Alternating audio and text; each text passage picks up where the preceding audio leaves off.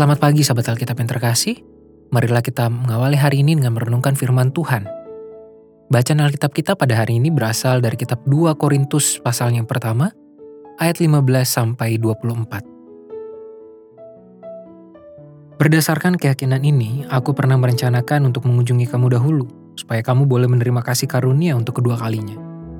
Kemudian aku mau meneruskan perjalananku ke Makedonia, lalu dari Makedonia kembali lagi kepada kamu, supaya kamu menolong aku dalam perjalananku ke Yudea. Jadi, adakah aku bertindak serampangan dalam merencanakan hal ini? Atau adakah aku membuat rencanaku itu menurut keinginanku sendiri, sehingga padaku serentak terdapat iya dan tidak? Demi Allah yang setia, janji kami kepada kamu bukanlah serentak iya dan tidak. Karena Yesus Kristus, anak Allah yang telah kami beritakan di tengah-tengah kamu, yaitu olehku dan oleh Silwanus dan Timotius, bukanlah ya dan tidak, tetapi sebaliknya, di dalam dia hanya ada ya.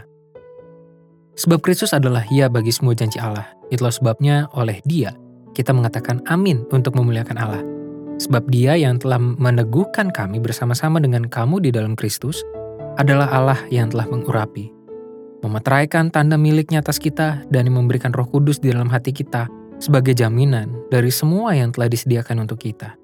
Tetapi aku memanggil Allah sebagai saksiku, ia mengenal aku bahwa sebabnya aku tidak datang ke Korintus ialah untuk menyayangkan kamu.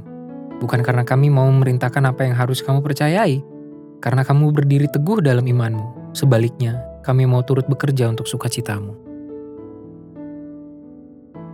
Terkadang niatan baik yang kita miliki tidak dapat terkomunikasikan secara efektif, sehingga orang lain justru memahaminya secara berbeda. Penyebabnya bisa karena berbagai hal. Salah satunya adalah dalam cara mewujudkan niatan tersebut. Itulah mengapa sebuah perilaku mengasihi perlu dikritisi agar tindakan tersebut tetap dapat menghadirkan kasih bagi si penerima, bukan sebaliknya. Rasul Paulus di dalam perikop ini sedang menjelaskan tentang ketidakhadirannya atau lebih tepat batalnya kedatangan dirinya ke Korintus.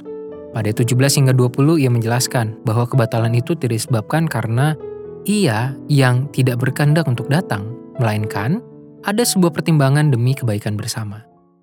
Pada perikop ini sudah jelas bahwa ada situasi kondisi khusus yang sangat penting entah pada diri Paulus maupun jemaat di Korintus itu sendiri yang mengakibatkan batalnya kedatangan Paulus ke Korintus. Namun, menurut Paulus, hal tersebut bukanlah menjadi sebuah kegagalan atau kekerasan hatinya, melainkan sebagai bentuk kasih yang paling relevan di tengah situasi yang dialami oleh jemaat Korintus. Secara tegas Paulus mengatakan bahwa ia tidak pernah menahan dirinya untuk hadir di tengah jemaat Korintus karena di dalam Kristus, ia tidak pernah menolak untuk ke mana Tuhan mengutusnya. Paulus menekankan bahwa keputusan ini bukan disebabkan oleh kekerasan hati atau kediktatoran dirinya, seperti yang tertulis pada ayat 24. Bukan karena kami mau memberitakan apa yang harus kamu percayai, sebaliknya kami mau turut bekerja untuk sukacitamu. Sahabat Alkitab, berdasarkan bacaan Alkitab pada hari ini, kita mendapati sebuah pembelajaran tentang wujud kasih yang perlu diupayakan secara cermat. Sebagai manusia yang penuh dengan pemikiran akan kepentingan diri sendiri, kita tidak terluput dari kemungkinan untuk melakukan segala sesuatunya demi kepuasan diri. Bahkan, di dalam sebuah perilaku kasih terhadap orang lain pun kita mungkin saja lebih mementingkan ego dan kepentingan diri sendiri. Itulah sebabnya kita juga perlu mengevaluasi perilaku yang kita berikan kepada orang lain yang selama ini kita sebut sebagai tindakan mengasihi.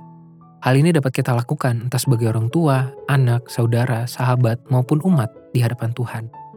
Kita perlu bertanya, Apakah tindakan kasih itu benar-benar mendatangkan damai bagi mereka yang menerimanya? Apakah tindakan kasih itu kita berikan dengan menempatkan posisi penerima sebagai yang paling utama? Atau justru kita masih lebih mementingkan kepuasan kita sendiri? Apakah kita mengasihi untuk orang atau untuk diri kita sendiri? Marilah kita berdoa. Tuhan berulang kali kami diingatkan oleh firman Tuhan betapa pentingnya kasih mewujud di dalam kehidupan kami. Tapi kami mohon Tuhan berikanlah kami hikmat untuk menyatakan kasih itu dengan cara yang tepat, yang tulus, dan dapat diterima secara baik oleh orang-orang di sekitar kami. Karena entah kami sadar maupun tidak sadar, kami dapat berperilaku secara egois, dan kami menyebutnya sebagai sebuah tindakan kasih tanpa kami peduli bagaimana dampak yang dirasakan oleh mereka yang kami tuju. Entah kami sebagai orang tua, entah kami sebagai anak, sebagai pasangan, sebagai saudara. Tolonglah kami Tuhan, agar kami memiliki hikmat dalam melakukan kasih-Mu. Hanya di dalam nama Tuhan Yesus kami berdoa. Amin.